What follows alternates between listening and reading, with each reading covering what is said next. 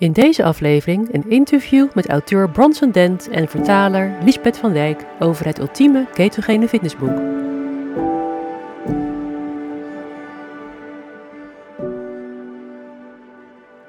Welkom bij aflevering nummer 38 van de Keto Podcast. Mijn naam is Louise Blikkenhorst. Dit wordt een hele bijzondere aflevering, want ik spreek met de auteur en coach Bronson Dent. Hij bracht vorig jaar in Amerika een boek uit met als titel The Ultimate Ketogenic Fitness Book. En Lisbeth, die ik ken als cursist uit de opleiding Ketogene Therapie, raakte zo geïnspireerd door dit boek dat ze contact zocht met hem en voorstelde om zijn boek in het Nederlands te vertalen. Nou, een lang verhaal kort, Bronson zei ja en Lisbeth heeft de enorme klus geklaard en het boek is er nu. Begin februari kwam het uit bij Amazon en het ging meteen naar nummer 1 op de Nederlandse bestsellerlijst. Het voorwoord voor dit boek werd geschreven door Ton van Erp van Keaton One. En als je op de achterkant van het boek kijkt, dan zie je een door mij geschreven review. Ik ben hier natuurlijk super trots op en vind het ook heel bijzonder dat ik daarvoor gevraagd ben. Het was ook voor mij meteen een wake-up call om weer naar de sportschool te gaan. Ik hoor ook zeker bij de doelgroep die Bronson beschrijft van vrouwen boven de 40, voor wie het essentieel is om meer spiermassa op te bouwen, om zo metabol en hormonaal gezond te blijven. En natuurlijk om zo lang mogelijk sterk en mobiel te kunnen zijn. Dus ook ik ben nu weer een paar keer per week in de sportschool te vinden om aan mijn spiermassa te werken. In deze podcast kun je luisteren naar het interview wat ik vorige week had met Bronson en Lisbeth. En ik ben echt heel trots erop dat ik je nu hiernaar kan laten luisteren. Het interview is in het Engels en vind je mijn steekkolen Engels lastig te volgen, dan vind je in de show notes een link naar YouTube waar je het interview kunt bekijken met ondertitels, zodat je het helemaal goed kunt volgen. Zoals gezegd, het boek is te koop bij Amazon en ik zal de link naar dit boek ook in de show notes zetten, zodat je hem meteen kunt bestellen. Dit boek gaat je heel veel nieuwe inzichten brengen over voeding, metabolisme, spieropbouw, hormonen en je manier van trainen. Dus, zonder verder getreuzel, kun je nu gaan luisteren naar mijn gesprek met Bronson en Lisbeth. Okay, good afternoon, good morning, or whatever time you're listening to this podcast. Um, welcome today in the podcast Bronson and Lisbeth. Um, I'll first start with Bronson.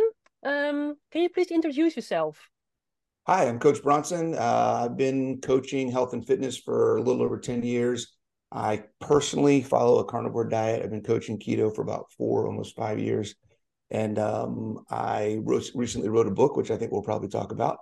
And uh, I just want to help people understand that fitness and nutrition are part of the equation in our quality of life, and that we can make some changes by changing things in our nutrition. We can make some changes by doing things on the fitness side, but we really need to understand the importance that both of them play in the total picture of our lives.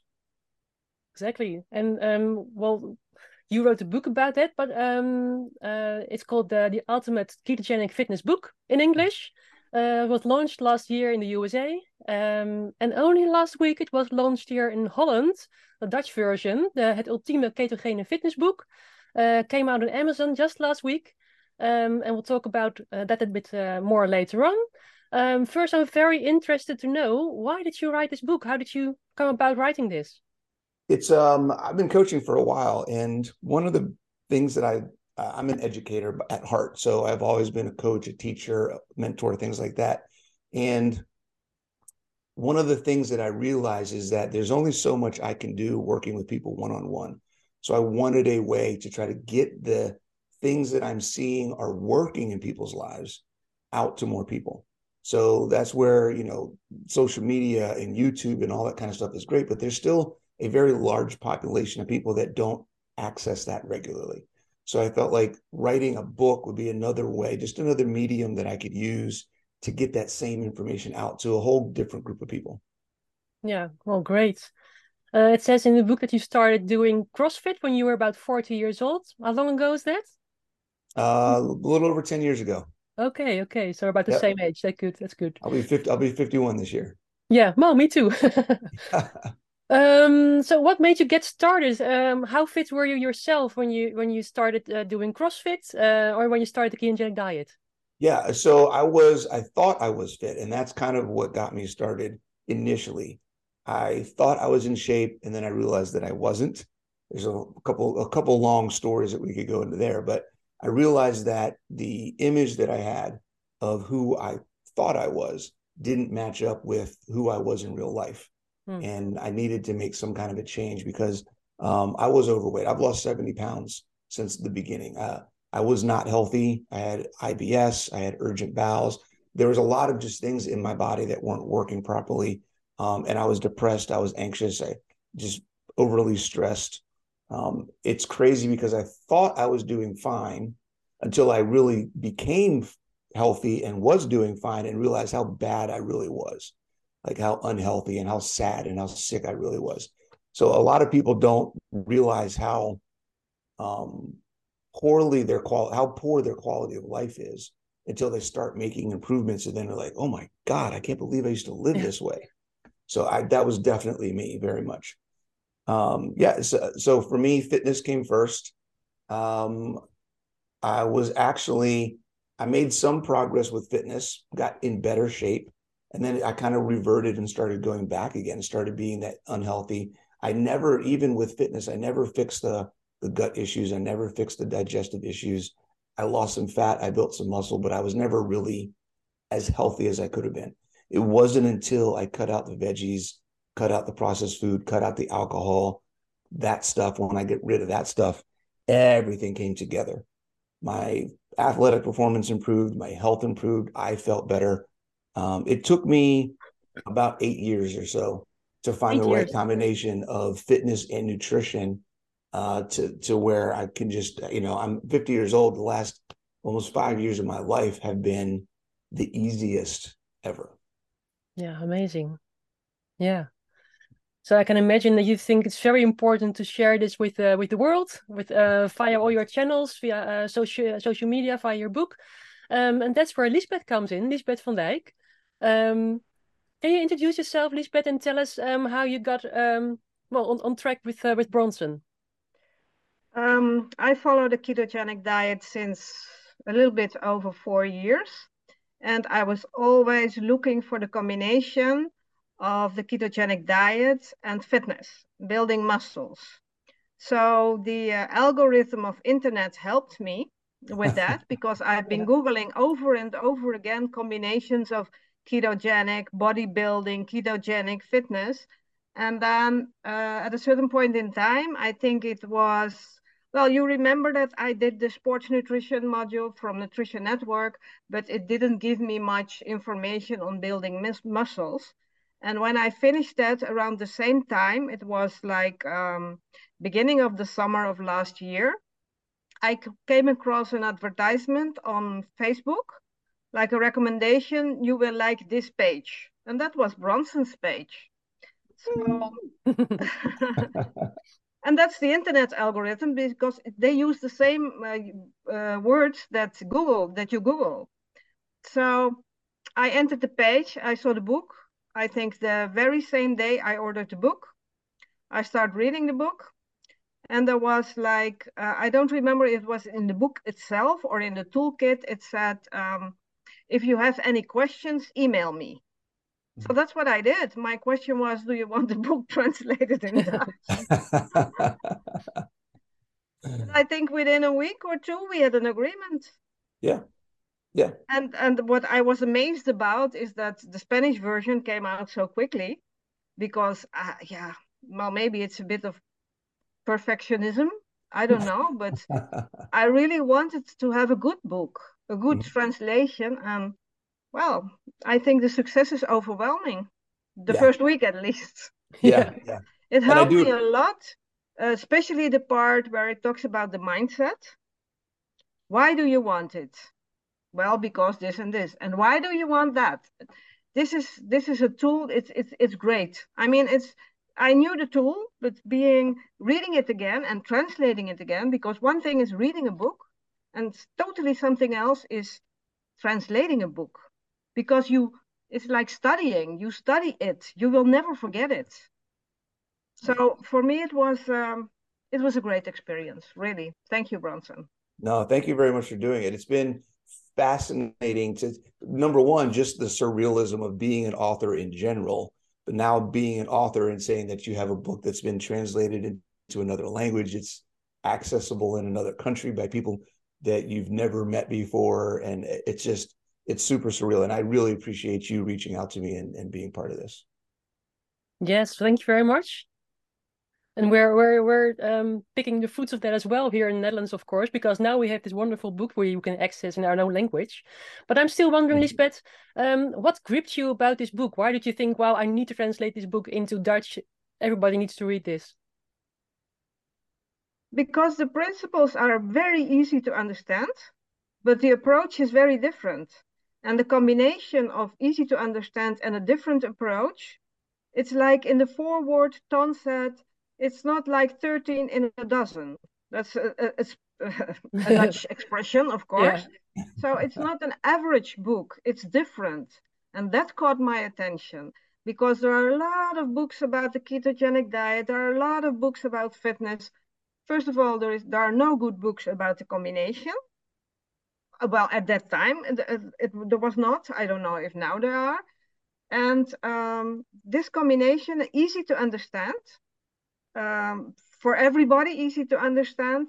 And if you are a scientist, then you can read the references. So the combination in total caught my attention and it was like uh, an urge, a feeling. I need to translate this. It needs to get out. yeah, and I yeah. was quite nervous when I started. I was like, oh my God, how am I going to finish this? Will it be good enough? Will there, will there be criticism? um, it, it, it was quite a job. I mean, your way of writing is very American. So, I'm not sure if that's a compliment or not, but thank you. no, it is. It is because it's very direct. And I'm also very direct. And I think most people that um, are in the fitness world, they are very direct. Mm-hmm. But um, yeah, I, I had to get used to the language. There was this chapter what was talking about cardio sucks for weight loss. I've, I've been thinking about three days. How am I going to translate this in Dutch? so what, what did what did you end up with? Sorry. What did you end up with? What's your what's your? I think um, what I don't know about the top of my head, but it was the word suck it was not literally translated. So. well, that's a good thing, I think.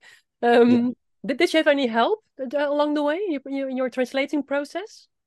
Um, in the end, I asked um, this medical doctor to um, for his advice, and he read the book, and he had very good advice uh, as to the medical terms, to the vitamins, um, the minerals, but also um, uh, language-wise, he had some suggestions. So I'm very, very grateful to him. And then Ton, Ton, he read the, the book also, and he was, yeah, he said he applied everything as from the first day. And he was, we had lunch last week, and he was explaining to me. So every time he goes to the gym, five days a week, like me, he he implements everything that's in the book and he discusses it with his personal trainer and his personal trainer is oh wow and yeah and he's very enthusiastic and i really liked his foreword i really liked it it was very yeah. it was genuine it was authentic it was no blah blah blah but just straight to the point he said he mm-hmm. was very privileged to read the book as a, the as a first person reading the book so it was I really liked it. I read it and I was like, I shared it with you, Louisette, to, to yeah. see what you thought about it. Straight to the point, and I think it it has added value. Yes. Well, for people who are wondering who are wondering who Ton is, it's Ton van Erp, uh, the founder of Keton One. So um, he he wrote the foreword to this. Um, and I'm so happy that uh, it came out in Dutch last week. It went straight to number one on the Dutch best-selling list in Amazon, which is totally mind blowing. so uh, and well done, Bronson. Well done, Lisbeth. It's a very very big accomplishment.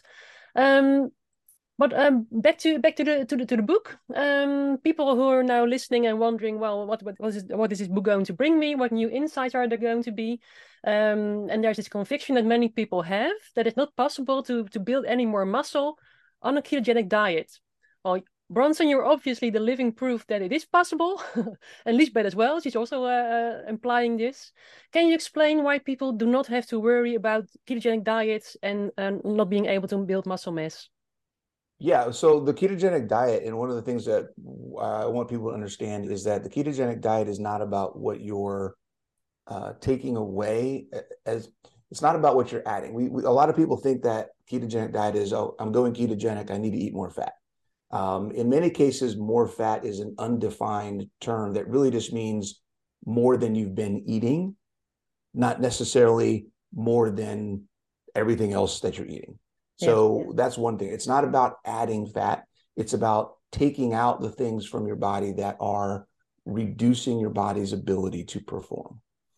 When we eat carbs, when we eat seed oils, when we eat processed food, our body has to do extra work to manage the extra stress that those foods are causing in our body.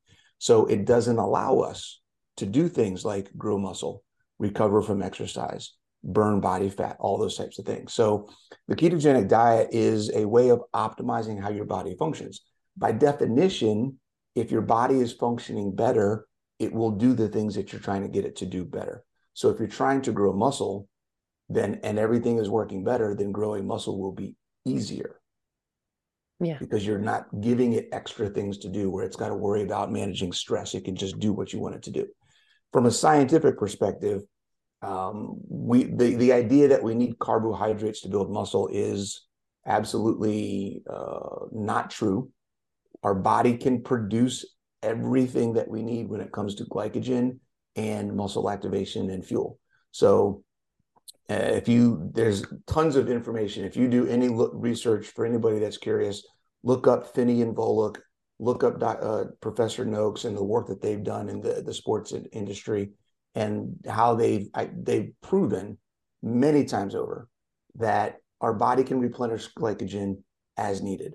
We're never going to run out of glycogen. If we were to run out of glycogen, our yeah. body, our muscles would stop working. So the idea of running of depleting our glycogen stores isn't a thing. It never has been, and that's not how our bodies work. So all you need to do to build muscle is get adequate protein, stimulate the muscle to grow, and then rest and give it time to do the growing. Those are the three things. That's all you need. You don't need carbs at all.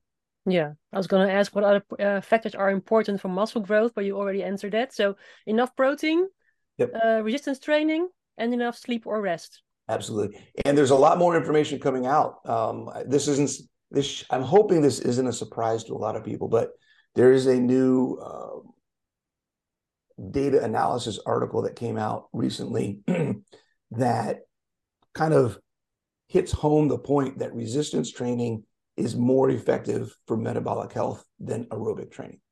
So for anybody who's looking at doing something to get fit and they want to start walking, that's great. If you're just getting started and walking is all you've got, then go for that. Mm-hmm. At some point, you need to start pushing what your muscles can do because that's the way to improve your metabolic health.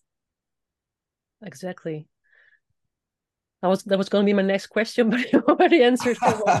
so I'm a bit off track now. um, I can dig into that a little bit more if you want. Yeah, sure. Okay, so so the difference between aerobic training and resistance training really has to do with. Um, I like to I like to call aerobic training simulating a healthy metabolism, because while you're doing the work, your body is doing things like you like if you had a lot of muscle so when we have muscle, our metabolic rate increases, the demand for fuel increases, the things that our body is able to do, all of the systems in our body, our hormones, our immune system, um, our digestive system, all of these things work better when we have more muscle.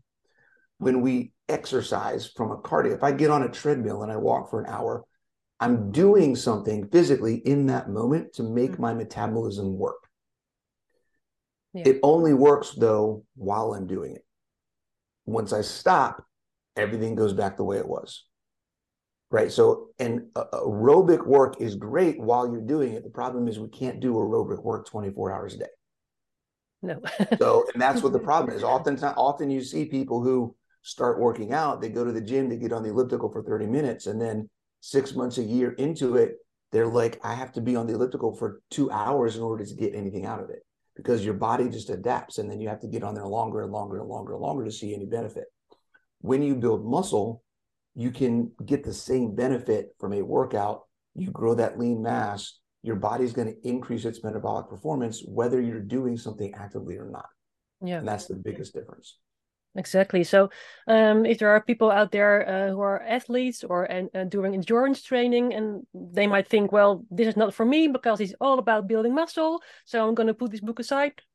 They're wrong, right? Absolutely, hundred percent. How how would this benefit them then? Yeah, every athlete needs muscle, uh, particularly endurance athletes. They are doing things that are more demanding in the the uh, deterioration, let's say, of their lean mass and what their what their body's doing. So they need to maintain as much of that. They need to be eating protein. They need to be building muscle. They need to be doing stuff. That's just from the performance perspective of, of wear and tear on their body. From a performance perspective, increasing their ability to perform in their sport, more lean mass means a larger pool of energy. More lean mass means less effort expended on work.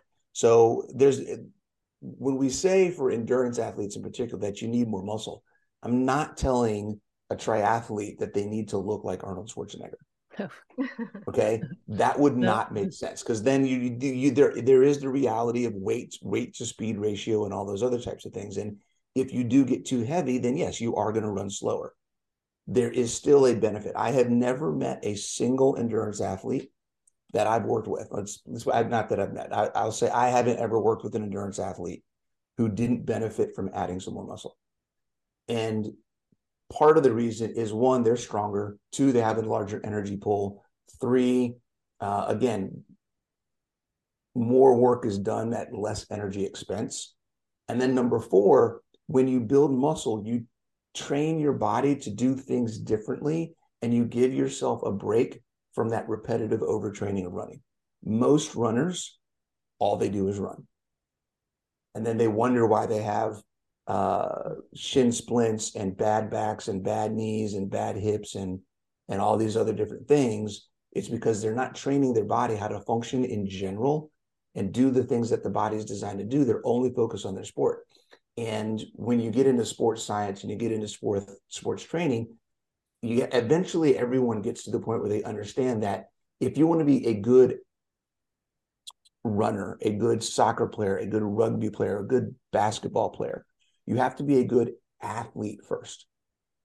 And that too often people try to be good at their sport before they make their body good at movement, before they make their body good at just being a, a good functioning human person.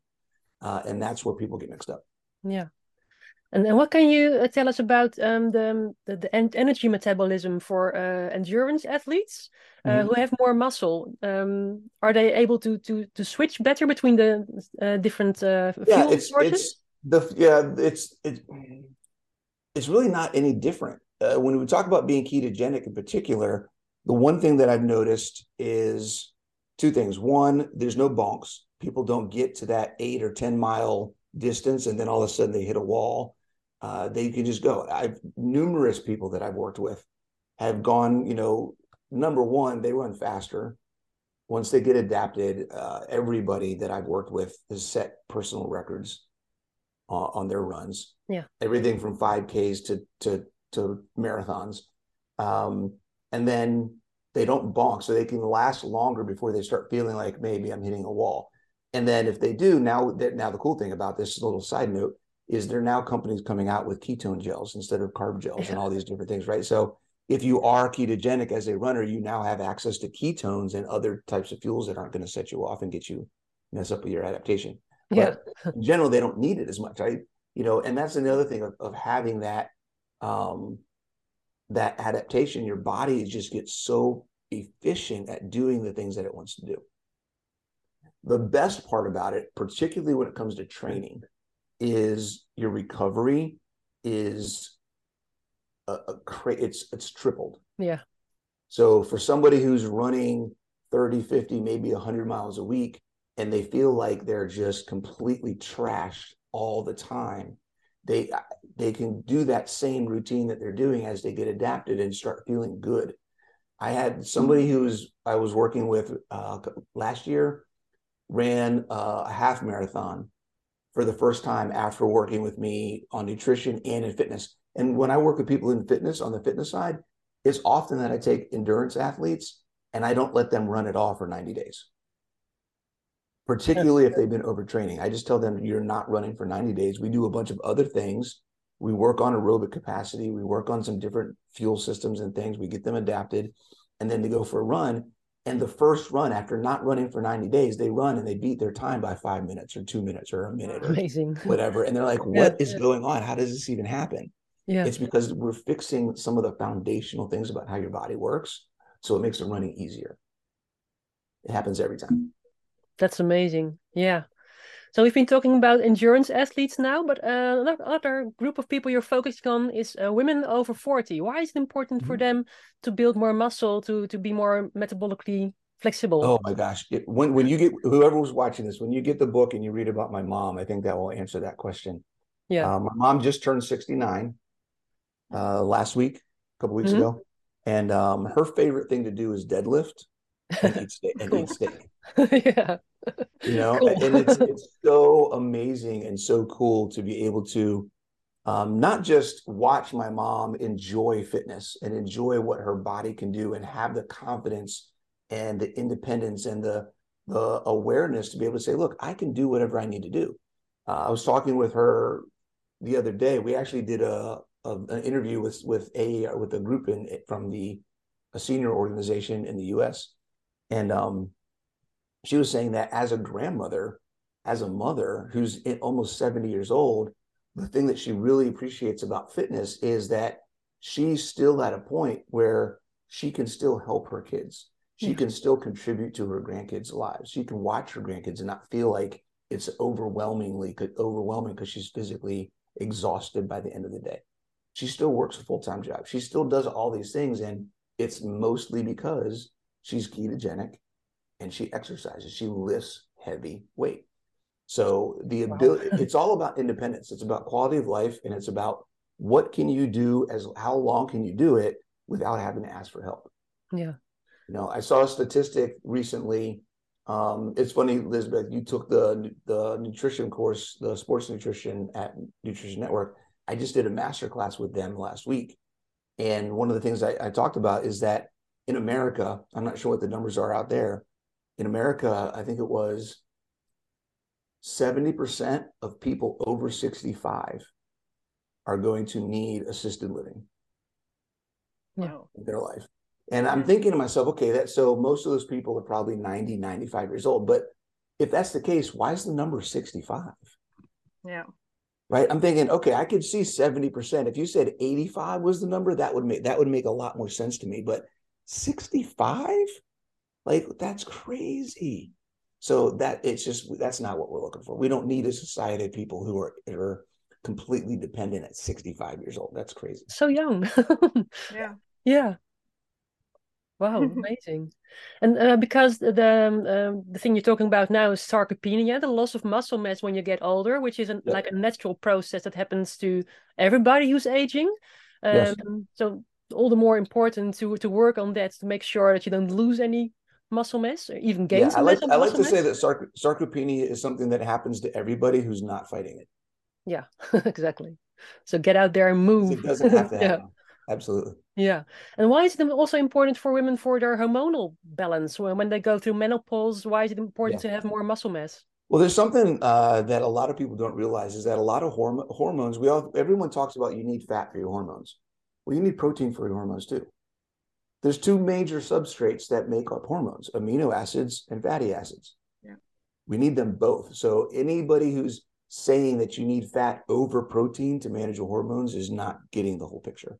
Again, your metabolic function, the the when we talk about metabolic function, let's take a step back. What is metabolic function? Metabolic function is the entirety of how your body works.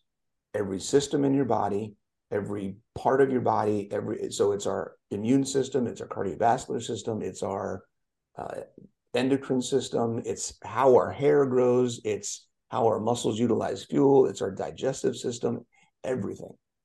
Okay. All of that, how all of those chemicals work in our body, how our gut microbiome interacts with our brain, our lymph system, all that stuff. It's all our metabolic system. So mm-hmm. when we say our metabolic performance improves when we have more muscle, we are literally saying that every single thing about how our body functions works better if we have muscle, if we have more muscle. When we don't prioritize building muscle, we default to decreasing our health. Yeah. And that's what people need to realize. I mean, yeah. Yeah, because most people see muscle just as something that's that's there on the on the top of your shoulders or your arms that looks nice and and sporty, but yeah. it's also like like uh, this whole metabolic system, like an organ in itself. Yes, it is. It is. It's the largest yeah. organ in our body, and it's and the thing is, and this is where the perception of fitness and muscle. When when we say everyone needs muscle, when I say women need to build muscle, so many women get this picture in their head of yeah. Arnold Schwarzenegger. It's like, no, that's not, this is not what we want you to look like. Most women who build muscle and who have a good skeletal muscle mass percentage, you would never know unless they told you. Yeah. Because they just look different. They look like they're in shape. They look fit. They don't look, they don't look skinny. No. But they don't look plump either. It's it's a really cool it, it, the the the whole idea of women wanting to look toned. Okay. Yeah.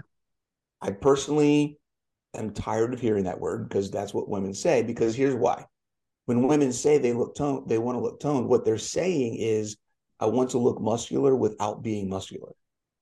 Yeah. Yeah. exactly. So, but at the yeah. same time, they're going to say, "Well, I don't want muscles." Well, then you can't be toned. you no, can't that, be toned. No. Muscle provides the shape that makes you look fit. So if you want to look toned, you have to build muscle. So yeah. that that competing competing things in in a lot of people's head. And that's another thing that uh, you just touched on. That um, mostly women they think they, they look at the scales and they want to lose weight. They uh, um, they want to look thin and uh, skinny and mus- yep. a little bit of uh, toned up as well. Uh, and the funny thing is, when you start gaining muscle, what happens to your scales? Your your weight goes up. Yeah. And that, that freaks a lot of women out because they they're they're aiming to to lose weight to to be lighter. Um, and the funny thing is that when you gain muscle, you become heavier. So your BMI goes up. I, I I'm sure if we if we would measure your BMI, that you'd be officially overweight. I am. Yep. Yeah. I'm I'm almost obese. Yeah. Oh, you look very obese. No, you don't. that's that's another another thinking pattern we need to get rid of. Yes, very much. And there's and there's yeah. a chapter in the book called "Fat Loss is Dead," where we talk about just that: is the idea that losing fat doesn't do anything for you. No. What what is the quality of your life? What can your body do? How free do you feel? Are you do you have to say no to activities because you can't physically perform them, or you feel like you'll be too tired afterwards? if those are the if that if that kind of um, restriction is in your life then there's things that you need to do physically to improve your freedom yeah because it's all about freedom my my my yeah. one, one of my one of my slogans one of the things i love to say is fitness is freedom.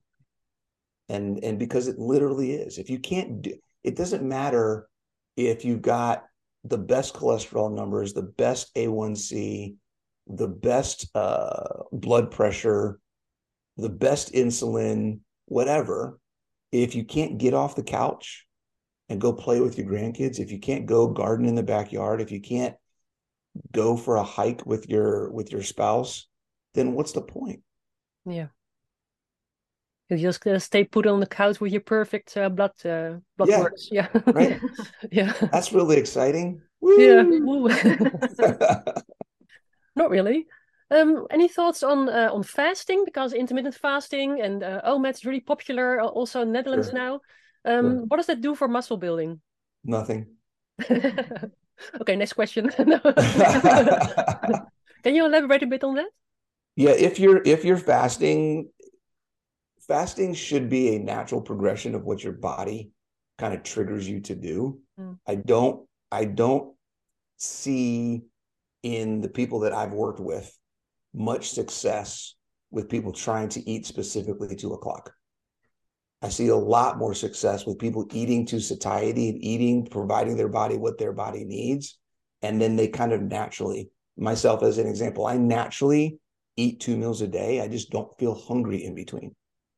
No. So if I tried to specifically, and that's the thing, most people that I work with, most people that I've seen, if they're eating naturally, if they're eating to satiety, they're eating enough at each meal, they usually tend to fall into about two meals a day by by default.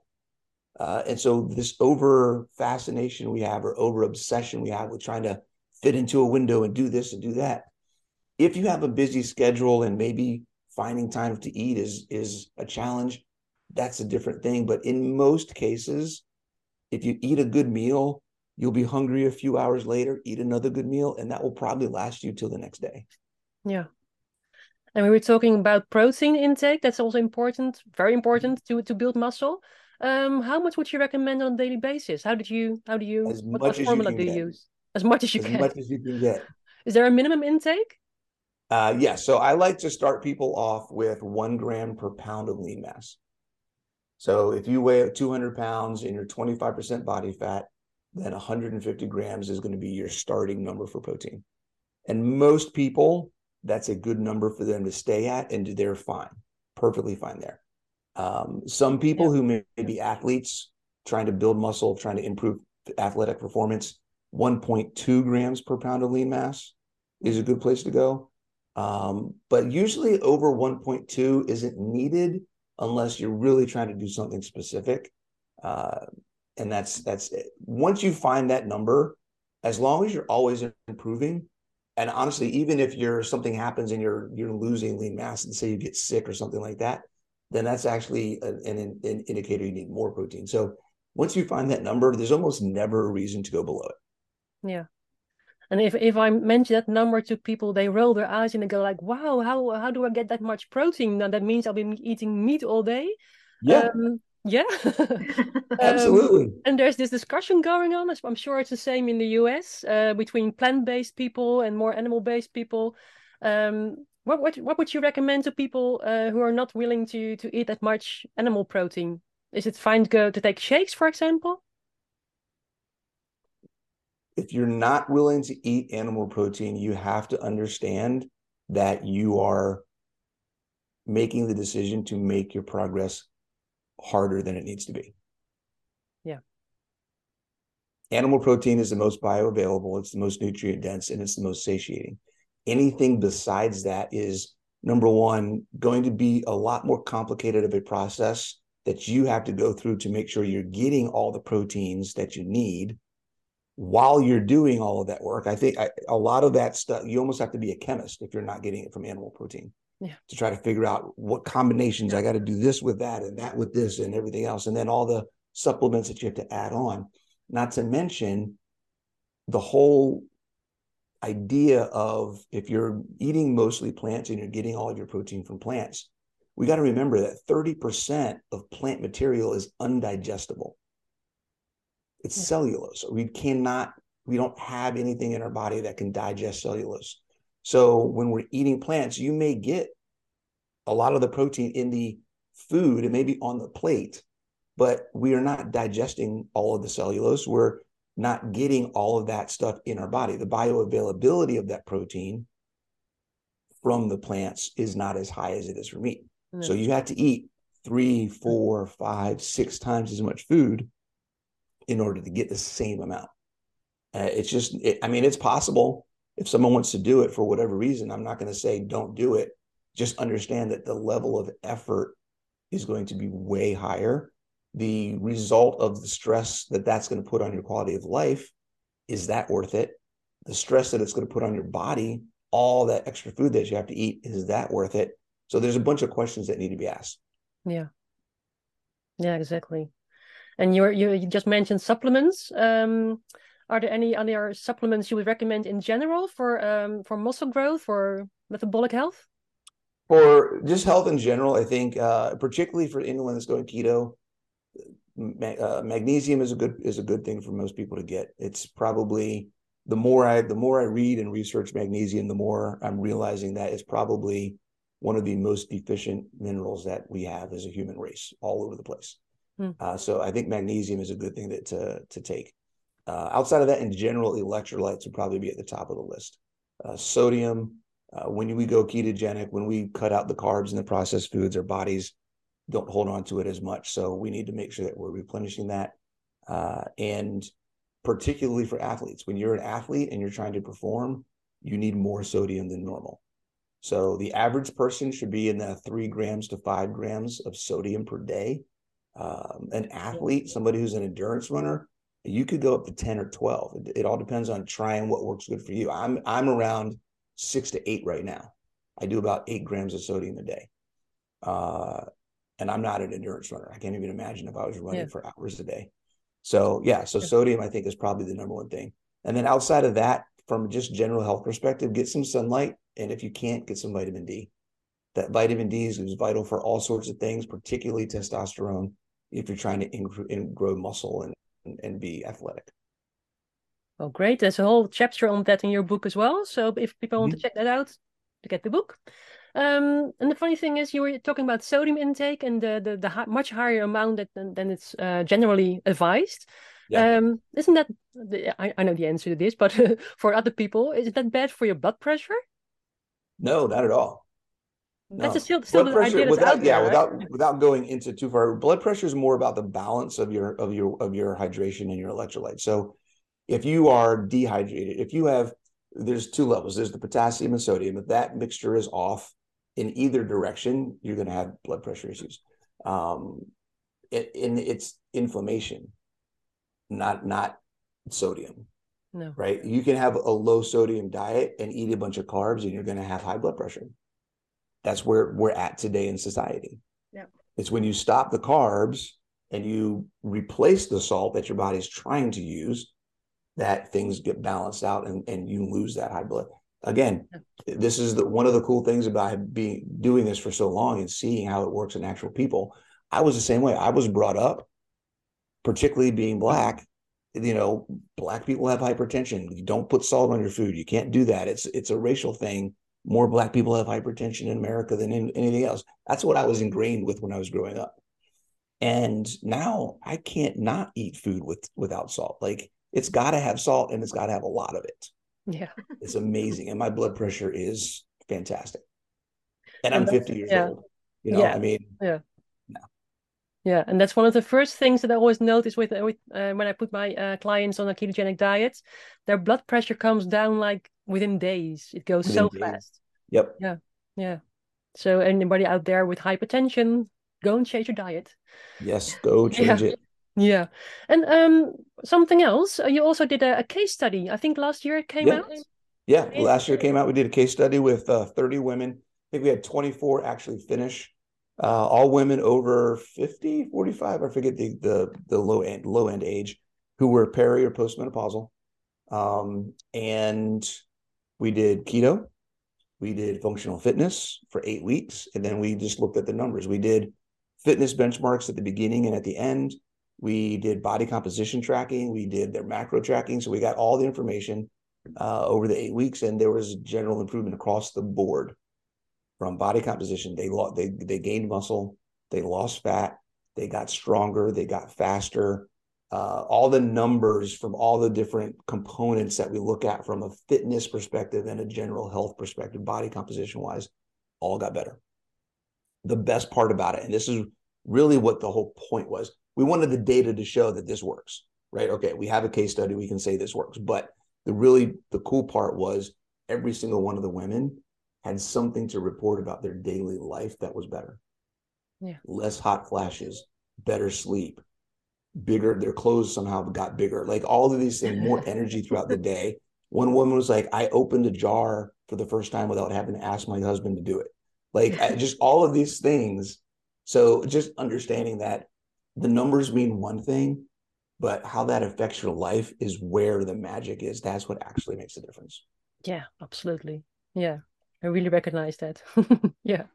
Well, thank you so much. Um, I'll put the link to your study uh, in the show notes, so anyone who wants to read that can find it there. Um, is there anything else you would like to ask Bronson or Lisbeth? No, I just want to say thank you both both of you guys for supporting the book and and getting the word out there. I think um, I'm looking forward to. I don't know if you guys do this. Uh, I'm looking forward to maybe getting some a big swell of support and coming out there and doing a conference or something sometime. So Yeah. I would love Yeah. to do that.